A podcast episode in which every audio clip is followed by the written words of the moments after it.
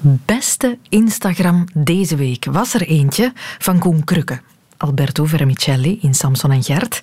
En hij postte een foto van zichzelf in character, Alberto, in een roze balletjurk, met daarnaast een schilderij van de beroemde kunstenaar Michael Bormans. Op dat schilderij staat een persoon, twee druppels water, Alberto, in die roze balletjurk. En, vroeg Koen Krukke zich op Instagram af, zou ik dat zijn op dat schilderij van Michael Bormans? U begrijpt, hier wilde ik meer over weten. Dus ik heb direct Koen Krukke opgebeld en hij wist het antwoord al. Ik weet het antwoord intussen en het is Alberto. Ik heb uh, van heel wat uh, Instagram-volgertjes, gelijk of ik ze noem, ja. uh, dus berichten gekregen en zelfs uittreksels uit een interview met Groenwa en zo. Dus dat hij in 2006 toegegeven heeft dat ik het ben. Ja, ja, ja. ja. Het, is, uh, het is Alberto. Het is van een, een aflevering die we ooit opgenomen hebben dat de balletmeisjes moesten optreden voor de burgemeester. En uh, de bus had uh, die effect gehad. En ja, Samson en, en, en Alberto en, en Van Leemuizen en, en Octaaf hebben zich moeten verkleden in ja, balletdanseressen. Ja, en, en Michael en, Bormans ja. was daarbij? Of hoe, hoe heeft hij die nee, beelden? Nee, die was er absoluut niet bij. Die was er absoluut niet, absoluut niet bij. Want ik heb heb uh, Michael Bormans ook nog nooit ontmoet. Dus hij woont in Gent, maar ik heb hem nog nooit ontmoet. Maar uh, naar het schijnt vond hij dat zo indrukwekkend dat hij daar... Uh, want als je kijkt naar de foto en je kijkt naar het schilderij, alles klopt. El, elk detail klopt. Hij heeft mij gelukkig een klein beetje magerder geschilderd dan dat ik toen was. ja, maar heb je... Dat is het enige, het enige wat niet klopt, dat, dat ik een klein beetje magerder ben. Ja. Maar anders klopt alles. Alles, alles. De hand, de hand de, het gezicht, alles klopt. Het is echt een goed werk. Je moet het zeker eens opzoeken. Het heet From Telly. Dus ja, je kan vermoeden door die titel dat Bormans het op televisie heeft gezien. Maar kijkt Bormans dan geregeld Samson en Gert? En waarom zou hij net dat ene beeld gekozen hebben? Koen wist het zelf ook niet hoe hij de muze van een van onze grootste levende kunstenaars is geworden. Maar hij was natuurlijk wel heel blij. Ja, maar dat is, van, echt fantastisch. Ik ben er ook fier op. Dat, dat, dat Bormans mij, mij, mij gebruikt heeft als voorbeeld voor een schilderij. Dat, dat zal wel zijn. Want naar het schijnt heeft dat schilderij overal gehangen in tentoonstellingen en zo. Dus uh, ja, ja dat, daar ben ik wel fier op, moet ik eerlijk bekennen. Terecht. Alberto Vermicelli heeft het vergeschopt. Maar dat is maar het begin van het verhaal. Het verhaal van hoe ideeën ontstaan, waar ze ontstaan en hoe we ze naar ons toe kunnen lokken. Welkom in de wereld van Sophie. Ja, ja leuk hè, zeg. Ja. Amai, amai, amai.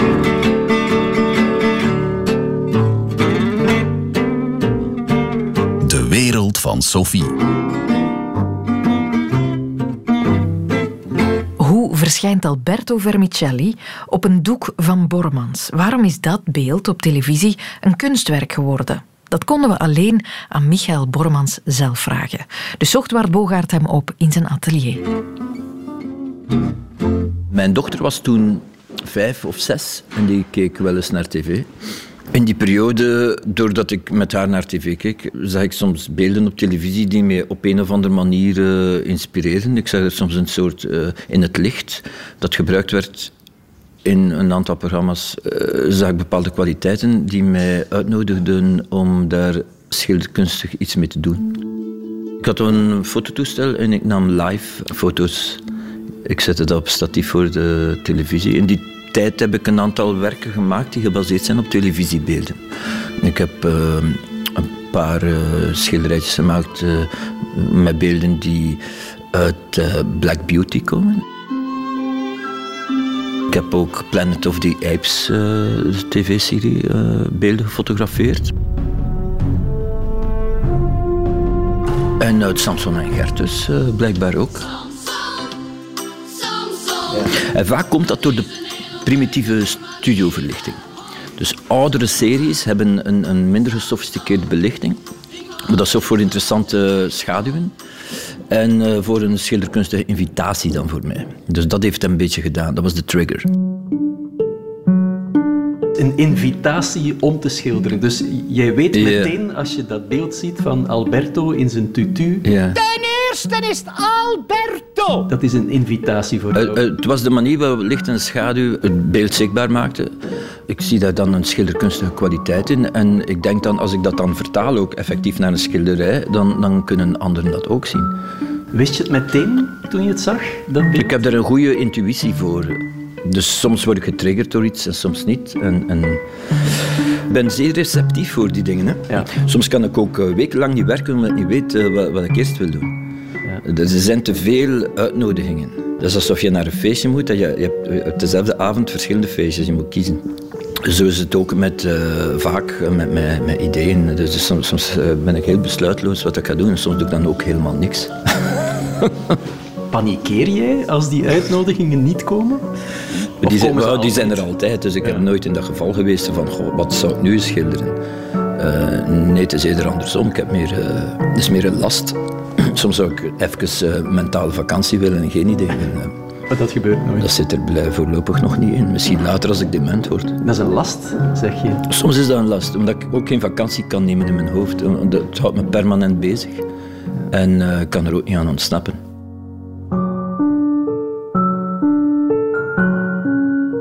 Ik heb geen organisatie, alles gebeurt zeer chaotisch.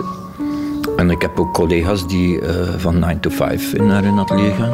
En dat werkt voor die mensen, maar ik heb niet, blijkbaar niet dat temperament. Heeft, is het dan aan plaats gebonden?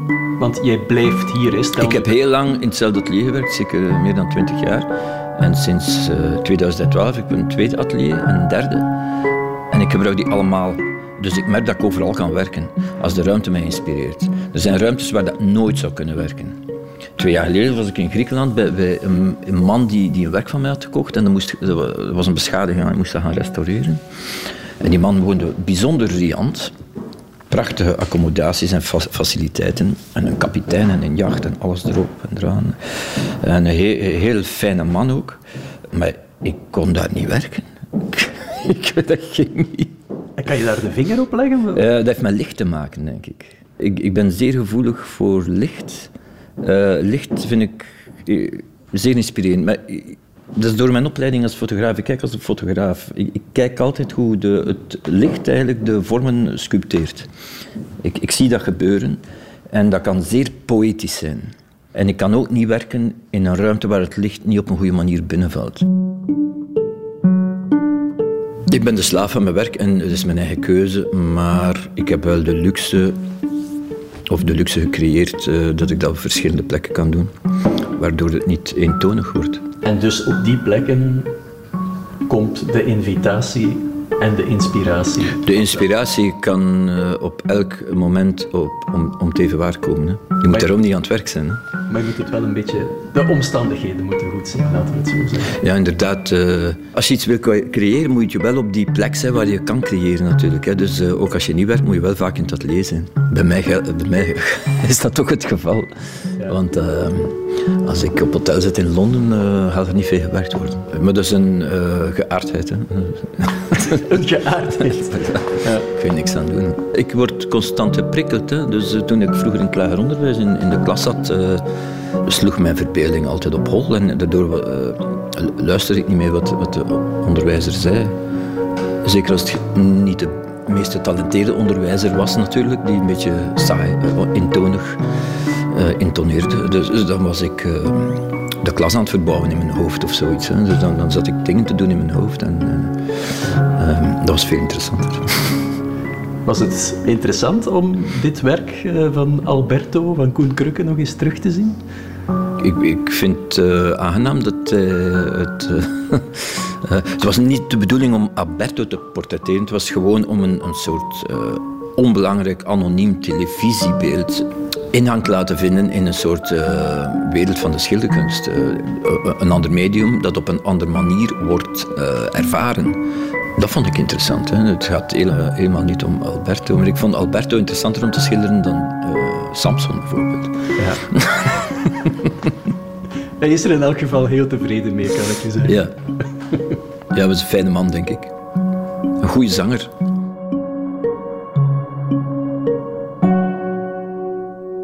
Invitaties. Zo noemt Bormans die momenten waarop het lampje gaat branden. Interessant hoe hij dat uitdrukt. Dat hij uitnodigingen krijgt. Als kwamen ze van een andere plek. Als worden de ingevingen hem toegezonden. En als rest hem enkel de taak om ze tot uitvoer te brengen. Dat is zijn ervaring van creativiteit, van inspiratie. Maar Nick Cave bijvoorbeeld, de muzikant, die benadert zijn scheppingsproces helemaal anders. Toen iemand hem vroeg tijdens een van zijn conversationsavonden, die tournee waarop fans vragen mochten stellen tussen de nummers door, toen vroeg iemand hem welk advies hij had voor een beginnend muzikant om ook zo'n goede songs te gaan schrijven. En hij had maar één advies. Begin er gewoon aan. Het is gewoon werken. En zo doet Cave het zelf ook. Hij heeft voor zichzelf een kantoor waar hij s'morgens heen trekt en waar hij s'avonds weer de deur achter zich dichttrekt. Dat is een totaal andere ervaring met hoe ideeën zich aandienen. En toch ook een fantastisch kunstenaar. Het werkt allebei. Wat kan de wetenschap hierover zeggen? Waar zit bijvoorbeeld die creativiteit in ons hoofd? Daar had ik het over met neurologe aan het UZA, Inge de Klerk. Er zijn verschillende netwerken. Vroeger spraken we al wel eens over, eh, ja, die, die zone van de hersenen doet dat en die zone doet dat. Maar eigenlijk gaan we meer en meer denken in functie van netwerken. En zo zijn er twee belangrijke netwerken die alle twee voor een stukje in die fameuze prefrontale hersenschors zitten, het voorste stukje van je hersenen. Mm er zijn verschillende delen in dat, uh, in dat stukje van onze hersenen.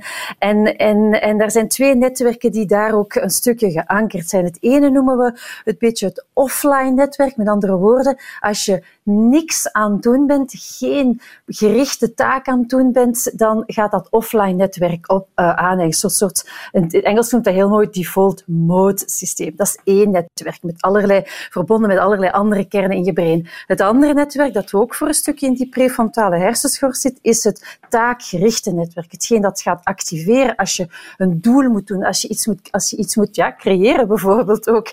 En het gaat hem blijkbaar over de connectie tussen die twee netwerken. In welke mate dat die dynamisch interactief zijn met elkaar. Het is dat dat belangrijk zal zijn in het volledige creatieve proces. Ah ja, oké. Heb je dat op een of andere manier in de hand? Hoe die twee netwerken met elkaar uh, communiceren? Ik denk dat er uh, waarschijnlijk, en daar, daar zit waarschijnlijk voor een stukje uh, de, de, kunst bij de kunstenaars, is dat zij waarschijnlijk gemakkelijker die associaties hebben al in zich al hebben. Hè. Dus ook misschien, natuurlijk, die, die, die, die hersenschors waar ik juist over sprak, die is ook een beetje een filter voor bepaalde prikkels. Terwijl, en Michael Borman zegt het heel mooi, ik ben daar heel receptief voor, zegt hij. Dus die prikkels die komen bij hem gemakkelijker binnen, minder gefilterd binnen. Dus ik denk dat enerzijds je natuurlijk wel bepaalde uh, ja, connecties sterker zijn bij sommige mensen. En dat kunnen dan de kunstenaars zijn. Maar je kan het degelijk wel trainen. Ik, ik, ik ben niet akkoord met uh, de, de, de, wat mensen zeggen soms. Je, je bent artistiek of creatief geboren of je bent het niet. Daar kan ik niet mee akkoord gaan. Ik denk dat je het kan trainen. Ja, uh, je denkt het, maar echt uitsluitsel over dat creatieve proces in ons hoofd is er nog niet helemaal, of wel? Wel, we weten bijvoorbeeld, als je regelmatig mediteert, dat hetzelfde ook weer gebeurt. Die functionele connectie tussen die twee netwerken versterkt. Mm. Dus dit is een, een, een, je kan eruit afleiden, en er zijn ook studies die aantonen dat iemand die regelmatig mediteert gemakkelijker creatief zal zijn. En dus mediteren, creatief proces, zijn blijkbaar dingen die niet zo ver van elkaar uh, verwijderd zijn. Dus ah, bijvoorbeeld ja. door te mediteren kan je creatief vermogen gaan stimuleren. Zeer interessant dat meditatie daarbij kan helpen. Um, ja. ik, ik, las uh, ergens dat uh, Ludwig Wittgenstein ook de link legde tussen niets doen, luieren en creativiteit. Misschien hangt dat een beetje samen met waarom meditatie uh, tot creativiteit kan leiden. Dat, dat je ontspant.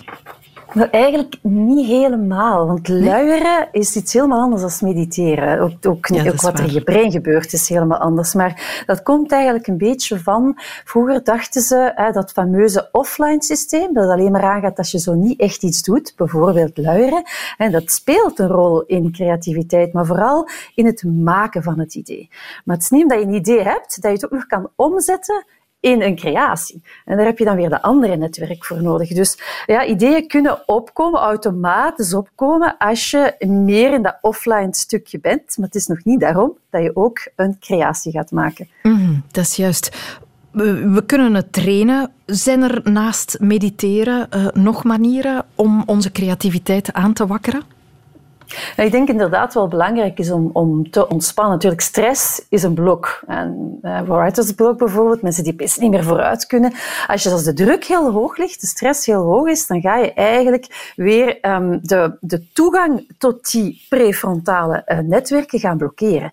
Um, uh, je gaat bijvoorbeeld allerlei wakkersystemen aangaan, maar die gaan je dan eigenlijk weer gaan afdoen, afwijken van dat creatief proces. Dus stress is zeker een dat creativiteit kan blokkeren. Dus ontstressen. En misschien in die zin is mediteren dan ook wel nuttig, hè, want ontstressen is weer niet hetzelfde als luieren. Mhm. Ehm, maar, maar ik denk dat het, uh, het, het, juist omgaan met stress, ook weer iets dat je kan trainen trouwens, um, zeker ook wel een nuttige is om de creativiteit ten goede te komen. Ja, ja, ik heb ook al wel eens gelezen dat een wandeling maken voor een moment waarop je creatief moet zijn, een meeting bijvoorbeeld, dat dat een verschil kan maken. Heeft misschien te maken met dat ontstressen. Ja, ik denk het inderdaad. Ja, wandelen is een fantastisch middel hè, om je hoofd leeg te maken. Dat is van alle overbodige informatie. Slapen natuurlijk ook. Hè. Slapen is fantastisch voor creativiteit. Om, eigenlijk om twee redenen. Enerzijds is het zo dat slapen op zich een herstelproces is. Dus het te veel aan opgestapelde informatie wordt weggefilterd, zodanig dat de, de, de connecties tussen de zenuwbanen weer goed gaan werken. Maar anderzijds is het in C ook aan bepaalde stukken slaap, zoals de droomslaap, die fameuze remslaap, weten we dat er dingen gebeuren die de creativiteit kunnen stimuleren. Ja, dus het nachtje doordoen om een idee af te werken, dat heeft weinig zin. Mm, niet altijd. Misschien, ja, misschien wel in een acuut moment, maar je betaalt natuurlijk dat slaaptekort de dag erna wel. Mm -hmm. ja. Er zijn al wel experimenten gebeurd, ook met drugs, dat uh, middelen, verboden middelen als LSD, dat die de fantasie zouden ja, vooruit helpen en daardoor ook de creativiteit. Ja, alcohol ook, hè, bijvoorbeeld. Ehm, en dat heeft waarschijnlijk te maken met het feit dat je daar die connectie tussen die twee fameuze netwerken gaat een beetje ont, uh, ont, um, desinhiberen. Hè. Dus, uh, dus je gaat een beetje de remmer op loslaten. Dus de connecties gaan gemakkelijker. Um, ja, je maakt gemakkelijk vrije associaties. Hè, want associaties maken is een heel belangrijk element, ook in creatief proces. Ook een van de redenen waarom dromen, um, omwille van de activiteit van, tijdens, de, tijdens de droomslaap, eigenlijk ook belangrijk is voor creativiteit. Het gaat over die hyperas, hyperassociativiteit. Dus heel gemakkelijk associaties kunnen maken tussen stukjes opgeslagen informatie. Als je um, eenmaal een soort creatieve stroomopgang hebt gekregen. Je hoort verschillende verhalen. Michael Bormans krijgt invitaties de hele nacht door. Hij staat dan s'nachts op om iets uit te werken. Je hebt andere artiesten, à Nick Cave, die elke dag uh, naar hun kantoor gaan om daar binnen de uren van een normale werkdag de creativiteit te laten stromen. Je kan het wel wat richten. Je kan wel wat sturen wanneer je ideeën toelaat. Ja, dat denk ik wel. We hebben ook allemaal zoiets als een bioritme. Hè? Dus uh, in, het, in het dagelijks leven vertaalt zich dat in wat wij het chronotype noemen. En wat is dat? Is inderdaad jouw individuele, aanleg om op bepaalde momenten beter te functioneren en ook beter te slapen, bijvoorbeeld. En dus dat bioritme, dat voor een stukje genetisch bepaald is, maar niet helemaal, bepaalt ook wanneer ja, bepaalde delen van jouw hersenen beter gaan functioneren. En dus een vroege vogel, die kan waarschijnlijk een fantastische creatief moment hebben s ochtends. Maar late vogels, blijkbaar zijn kunstenaars meer late vogels, vandaar dat zij s'nachts misschien ook creatiever kunnen zijn. Mm -hmm. ja, automatisch gaat dat brein anders werken op andere momenten van de dag. En dat is het fameuze chronotype. Dus dat is voor een stukje bepaald wordt door ons bioritme. Tof als je je leven kan richten dan naar mhm. je eigen bioritme en creatief kan zijn op het moment dat jij creatief kan zijn. Lastiger als je baas zegt dat uur en je zit dan even ja, niet in de flow. Soms hoor je verhalen van kunstenaars bij wie de inspiratie plots op is. Mensen die uh, wel op andere momenten zeer creatief zijn en dan plots ja, het, alsof het bronnetje opgedroogd is. Wat gebeurt daar? Ja, de fameuze writer's block, hè, of wat dat ze in breder vorm de creative block, hè, de creatieve blokkage. Ik denk dat daar verschillende, blijkbaar spelen daar verschillende elementen een rol in. Stress, de druk, de prestatiedrang, hè, zoals ik daar straks zei, die heel verlammend werkt.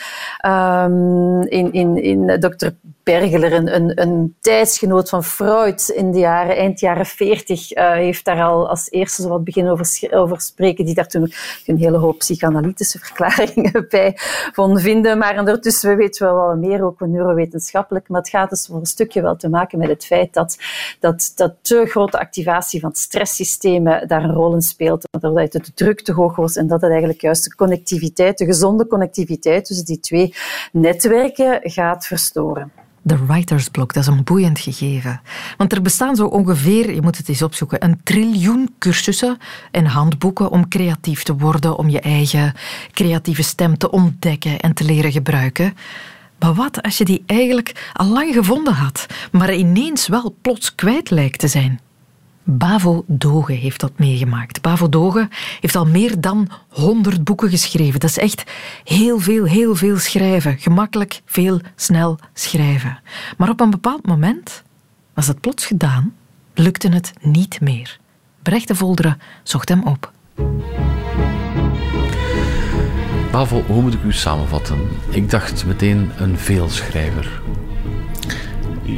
Ja, ik heb daar ook geen uh, moeite mee om dat uh, toe te geven. Ik vind dat geen, uh, geen negatief etiket of zo. Ehm, ik heb vroeger ook altijd een voorliefde gehad voor, voor pulpschrijvers en, veelschrijvers. Um, maar dat is natuurlijk een beetje misschien niet echt bon ton om dat te zeggen.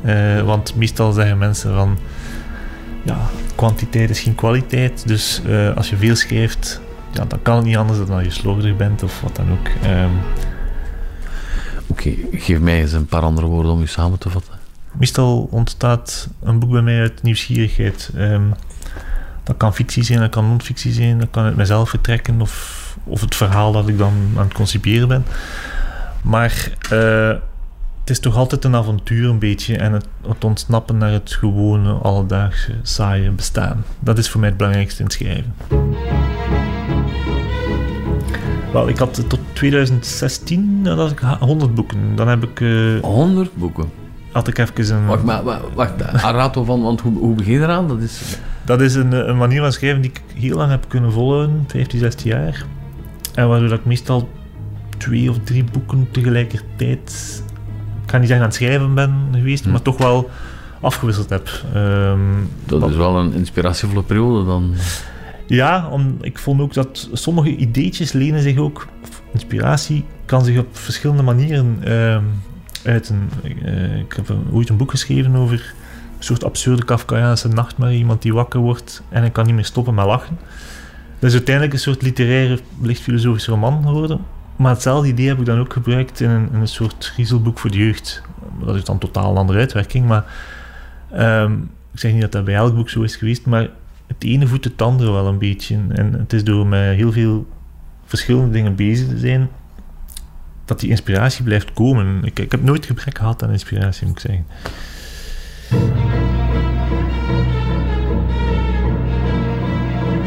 Ik was al een beetje aan het. Uh, ik voelde de trein vertragen, bij wijze van spreken. En ik wist toen al van ja, goh, ik ga hier ergens toch met mijn hoofd ergens een keer tegen een muur lopen. Ah, oei, En uh, het was een beetje snakken. Ik weet dat laatste boek, de honderdste boek, had ik al in mijn hoofd van als titel De Stilte. En dat is een literaire roman over iemand die, die wil dat het leven helemaal stilvalt en stil wordt. En effectief ook wakker wordt in een wereld waar niet meer gepraat wordt, een soort een stille film. En dat was onbewust, denk ik, voor mij ook een beetje smachten naar een beetje bezinning, eh, vertraging, uh, reflectie. En ik heb mij moeten sleuren om dat laatste boek af te krijgen. En dan heb ik echt een soort decompressie gehad, denk ik.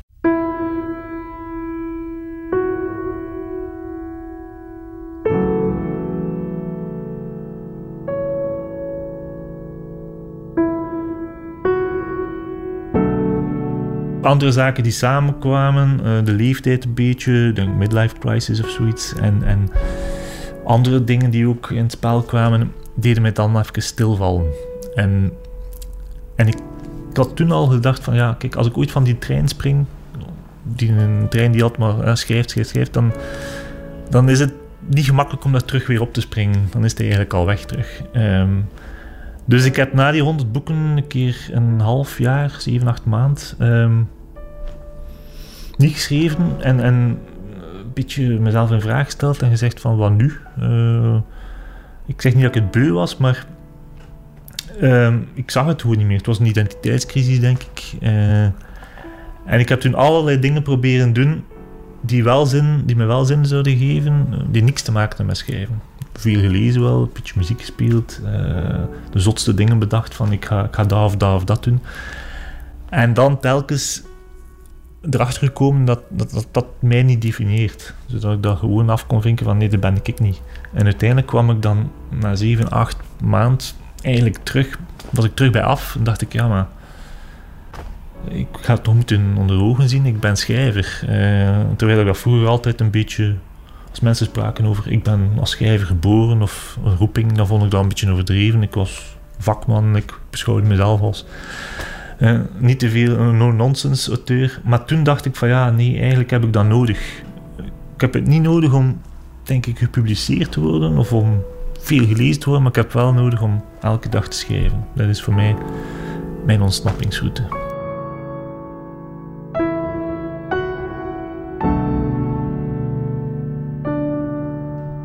die ervaring van jezelf tegenkomen en, en jezelf herkennen, heb ik dan gebruikt na die writersblok in een autobiografisch boek over mijn vader, die heel vroeg gestorven was. En dan heb ik mijzelf teruggevonden in het idee van uh, hoe ben ik eigenlijk schrijver geworden. Misschien ben ik al heel vroeg schrijver geworden na de dood van mijn vader, dat ik ergens moest ontsnappen naar een andere wereld. En dat is dan een heel belangrijk boek geworden, boek 101, uh, eh, waar ik een beetje zijn leven en mijn leven naast elkaar leg. En uh, dat was mijn eerste echt autobiografisch boek. Dus zo heb ik de writer's block eigenlijk een beetje overwonnen. Dat is door in mijn eigen ziel te gaan vroeten. En dat dan uit te wringen. En te zien dat daar een totaal andere manier van, van schrijven uitkomt. Want het ene is schrijven weg van jezelf. Fictie, fantasie is thriller schrijven of romans en dat heeft niks met jezelf te maken een soort van troost. En het andere is net jezelf opzoeken en, en de confrontatie aangaan en bloed, zweet, tranen. En, en dat is toch meer in de diepte dan, dan, het, dan het andere schrijven. Wat is de titel van boek 102? Na dat boek heb ik nog een boek geschreven. Dat was mijn eerste non-fictieboek.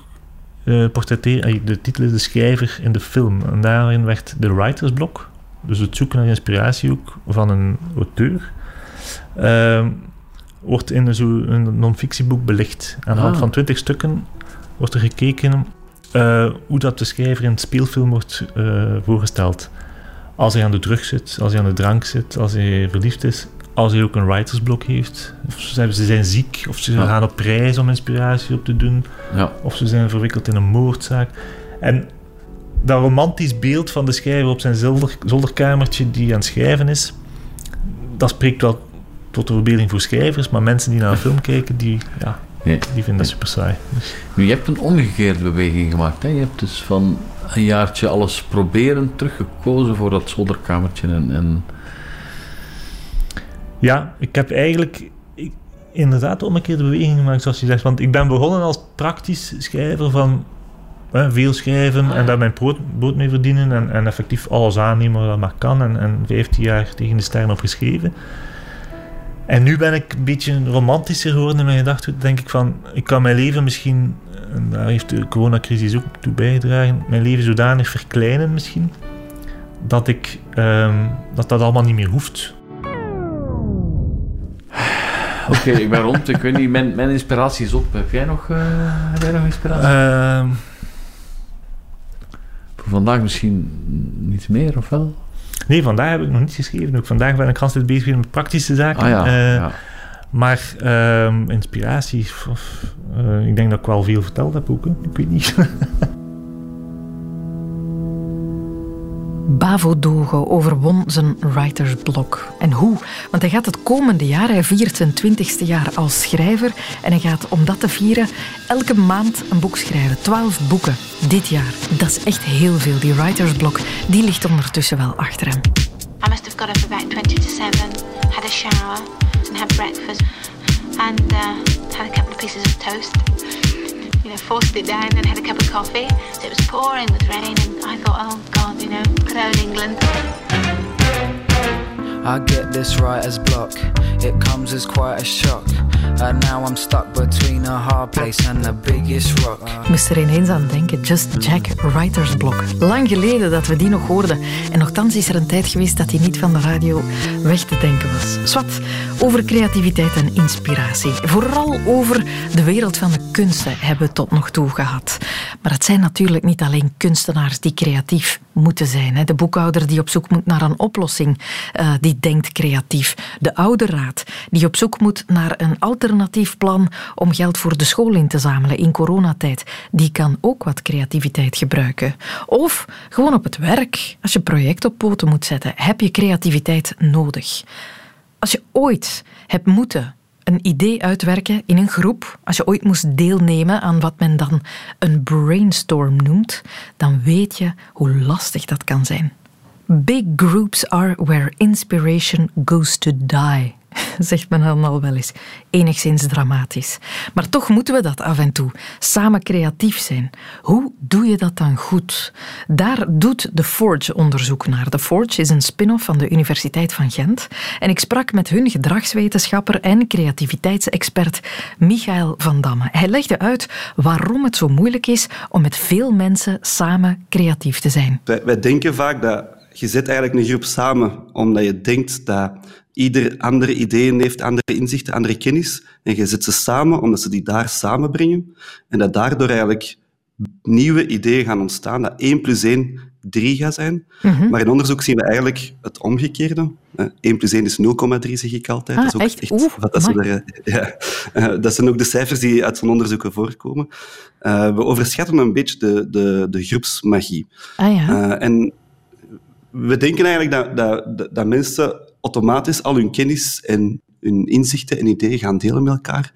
Maar dat is absoluut niet het geval. Er is eigenlijk een soort van uh, sociale laag die er plots bij komt als je in een groep gaat zitten, die heel veel invloed heeft. Ik noem dat de sociale roulette. Dus eigenlijk uh, elke keer als je een groep mensen aan tafel zit, op die tafel staat eigenlijk een soort van uh, een roulette, je kent dat wel, waar je balken niet gooit en je hoopt dat je balken op het juiste vakje terechtkomt. Um, bij de sociale roulette hoopt je dat je kennis of je idee, dus je balken eigenlijk, op een, op een groen vakje terechtkomt, zijnde sociale goedkeuring van de groep. Uh, maar het kan ook terechtkomen op een rood vakje, wat dat sociale afkeuring is, en daar hebben we heel veel schrik van. Ah, ja. In sommige groepen zijn er heel veel rode vakjes en in sommige groepen zijn er heel veel groene vakjes. Uh, en afhankelijk van de psychologische veiligheid dat in zo'n groep zit, uh, als er veel rode vakjes zijn, gaat je niet zo makkelijk je balken in de groep gooien. Dan doe je eigenlijk aan zelfcensuur. Als er veel groene vakjes zijn, dan vind je dat, is dat risico lager. En dan gooit je gemakkelijker je balken in, in de sociale roulette en wordt er meer kennis en ideeën gedeeld. We moeten het wel vaak doen. Hè? Het is iets wat vaak bij het werk hoort of wat we in verenigingen of zo moeten zien te regelen. We moeten een project bedenken in groep. Hoe doe je dat dan wel goed, dat de ideeën niet sterven? Maar het doel moet eigenlijk zijn dat je iedereen die in de groep zit, dat die zoveel mogelijk kan hun kennis en ideeën delen met de groep en dat de rest van de groep daar ook echt rekening mee houdt, die serieus neemt en daarna luistert. En de beste manier om dat te bereiken in een groep is wat ze noemen constructive controversy, dus uh, constructieve discussie. Dus je moet eigenlijk een veilige omgeving hebben waarin het er stevige discussie kan plaatsvinden. Um, en hoe dat je dat bereikt, is eigenlijk niet zo heel belangrijk, zolang dat je het maar bereikt. En dat kan ook een beetje afhankelijk zijn van welk soort groep dat je hebt. Mm -hmm. Maar ik heb daar wel een soort van checklist voor, waarvan, uh, waarvan we weten uit onderzoek, als je daaraan voldoet in je team, dan is de kans groter op die constructieve discussie. Ja. Als een van die factoren niet in orde zijn, dan moeten daar misschien even eerst aandacht voor hebben of aan werken. En wat, wat staat er dan zoal op die checklist? Dus die eerste is dat die psychologische veiligheid. Dus zijn we op ons gemak in dit team of niet? Of, of speelden er andere dubbele agenda's of zo? Dan, dan, dan weet je al dat dat niet goed zit. Mm -hmm. um, het tweede is, heel belangrijk, is hebben we een duidelijk doel als team. Um, soms overschatten we dat dat duidelijk is. Uh, dat, dat bepaalt heel veel uh, van het teamklimaat. Helpen we elkaar is een derde. Uh, versterken we elkaar ook. En communiceren we voldoende. Als een van die vijf niet in orde zijn, is het misschien belangrijk om daar even aandacht voor te hebben of om te proberen daaraan te werken, zodat je makkelijker tot die stevige discussie kunt komen. Ja, ja, ja, ja. ja. Eigenlijk moet ja, je, je team moet functioneren. Wat gemakkelijker is als je vaker samenwerkt, waardoor je elkaar wat kent, uh, dan Ja. dat het een soort gelegenheidsteam is. Dat is, daar is nou een groot verschil tussen, inderdaad. Dus eh, ehm, bij teams die elkaar niet goed kennen, ehm, is het bijvoorbeeld daar vaak, daar zijn de brainstorm of de klassieke brainstormregels wel zinvol bij. Hè? Want een van die klassieke brainstormregels is, je moogt een idee niet afschieten. Hè? Dus Mhm. uitstel van oordeel. Eigenlijk is dat een interventie om psychologische veiligheid te verhogen. Hè? Je zegt daarmee eigenlijk van, kijk, alle zotte ideeën mogen, eh, we gaan daar niet over oordelen. Dat gebeurt natuurlijk stiekem wel. Hè? Dus, eh, maar het is een, manier om te proberen om wat veiligheid te creëren in een groep. Dat is eigenlijk vooral zinvol voor groepen die gelegenheidsgroepen, zoals dat je zegt, of zo. Maar voor op het werk bijvoorbeeld, een team waar dat je regelmatig mee moet samenwerken, daarbij werkt dat eigenlijk niet zo goed. Dan is het veel interessanter om toch naar manieren te gaan werken waarbij dat kritiek wel mogelijk is en dat je al heel snel tot die kritiek kunt komen. Dat als mensen een bedenking hebben bij een idee, dat ze dat ook direct mogen zeggen.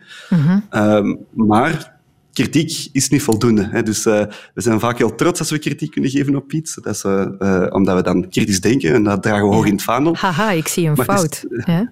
Voilà. Dus, eh, maar dat is maar het startpunt van creativiteit. Dus de motor van creativiteit eh, is niet alleen kritisch denken, maar ook nog eens met een alternatief op de proppen te kunnen komen. Dus wat dan wel? Mhm. Als je niet akkoord bent met een idee, zeg het. Dat is heel welkom en heel belangrijk en waardevol. Maar geef dan ook aan, ja, hoe dan wel of wat dan wel. Vraag een alternatief of kom zelf met een alternatief op de- op de proppen. En dat constructieve luik, dat, dat missen we nogal vaak. Of die reflex hebben we niet altijd in, eh, in teams. Als we gaan kijken naar zo, ja, het kader waarin gedacht wordt, hoe, hoe strak moet dat zijn? Want men prijst al wel eens het out-of-the-box thinking, alles kan, alles mag. Eh, terwijl misschien een zeker kader wel kan helpen. Ja, er wordt soms wel eens gezegd dat, dat eh, carte, blanche, hè, dus eh, je begint met een wit blad en alles mag en alles kan. Eh, maar in onderzoek zien we eigenlijk dat dat niet echt ideaal is, dat een zekere structuur en richtlijnen juist helpen om mensen in, in bepaalde richtingen hun, hun cognitieve capaciteit zo goed mogelijk in te kunnen schakelen eigenlijk. hè. Dus, Mhm. dus het is echt niet onnozel om, om daar wel wat structuur in te brengen. Het hangt er een beetje vanaf wat je met structuur bedoelt. Hè. Maar als het structuur is om een aantal deadlines op te leggen, bijvoorbeeld, om een soort van eh, met elkaar te kunnen overleggen, tegen dan moet dat klaar zijn en hoe heb je dat aangepakt, enzovoort, enzoverder. Dat soort structuren is wel heel eh, zinvol. Als het stru- structuren zijn in de context van we gaan hier eh, een soort softwarepakket installeren waarmee dat mensen hun ideeën kunnen posten en, en, en dan gaat er creativiteit zijn. Dat werkt eigenlijk... dat, is, dat is zeker geen voldoende voorwaarde voor creativiteit. Maar Dat bestaat beetje- dat? Softwarepakketten waar je creatieve ideeën kan invoeren? Zeker, eh, zeker en vast. Ja, dus, eh, dat zijn heel populair ook eh, bij veel bedrijven. Omdat dat, dat is makkelijk te budgetteren en dat klinkt als dat, dat, dat daarmee bottom-up creativiteit kan worden gestimuleerd in Ja. in uw bedrijf. Iedereen mag bijdragen. Ehm, ja. Ja, maar ik vergelijk dat altijd. Het is een beetje of, of ik, ik zou graag sportiever willen worden, dus ik koop mezelf een heel dure koersfiets en dan ga ik ook veel meer gaan fietsen en sportiever worden. Maar we weten allemaal dat na twee weken mijn koersfiets waarschijnlijk in de garage vooral eh, spinnenwebben blijft eh, eh, vangen. Dus dat, dat, dat is geen voorwaarde op, op creativiteit in uw bedrijf. Dat, omgekeerd kan het wel zijn, als je al heel creatief bent in uw bedrijf of in uw organisatie, kan zo'n systeem wel helpen daarbij. Maar heel vaak zien we van, we installeren zo'n app of een programma waarmee dat dan plots het magische eh, oplossing is die dat, Ja, ja. eh, plots creatief zal eh, zijn. En dat is niet zo. natuurlijk. Als een soort toverstokje. Ja, creativiteit in een bedrijf is toch ook een beetje een cultuur die er moet zijn. Een, een traditie die er al in zit. Iets waar je lange tijd aan werkt, eerder dan eventjes met een korte impuls. Ja, en heel veel bedrijven worstelen daar ook mee. En ze zijn, het cultuur, bedrijfscultuur en, en cultuursverandering is, is redelijk eh, eh, deze, deze tijden. Ehm, wat dat daar een heel grote moeilijkheid is, is dat heel veel bedrijven zeggen wel dat ze creativiteit belangrijk vinden, zeggen dat ze innovatie, dat dat super belangrijk is. Maar er is zoiets als een, een innovation bias of een creativity bias.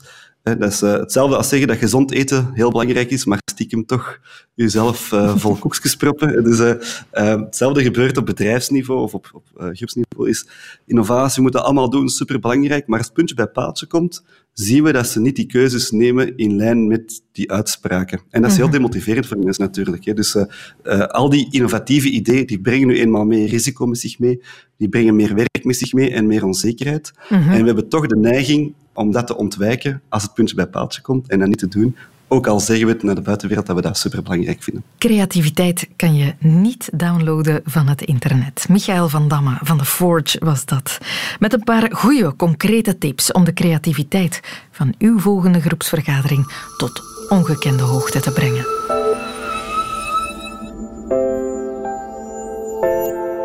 Dit was de wereld van Sophie over creativiteit. U kan altijd abonneren op deze podcast, dan krijgt u elke vrijdag de nieuwe vanzelf toegestuurd. Krijgen wij dikke duimen van een baas. U hoort ons, u hoort. het is vrijdag. U hoort ons ook elke weekdag op Radio 1 tussen 10 uur en 12 uur. Tot gauw. Dit was een podcast van Radio 1. Ontdek nog meer podcasts van Radio 1 in onze app en op radio1.be. Radio 1. Altijd benieuwd.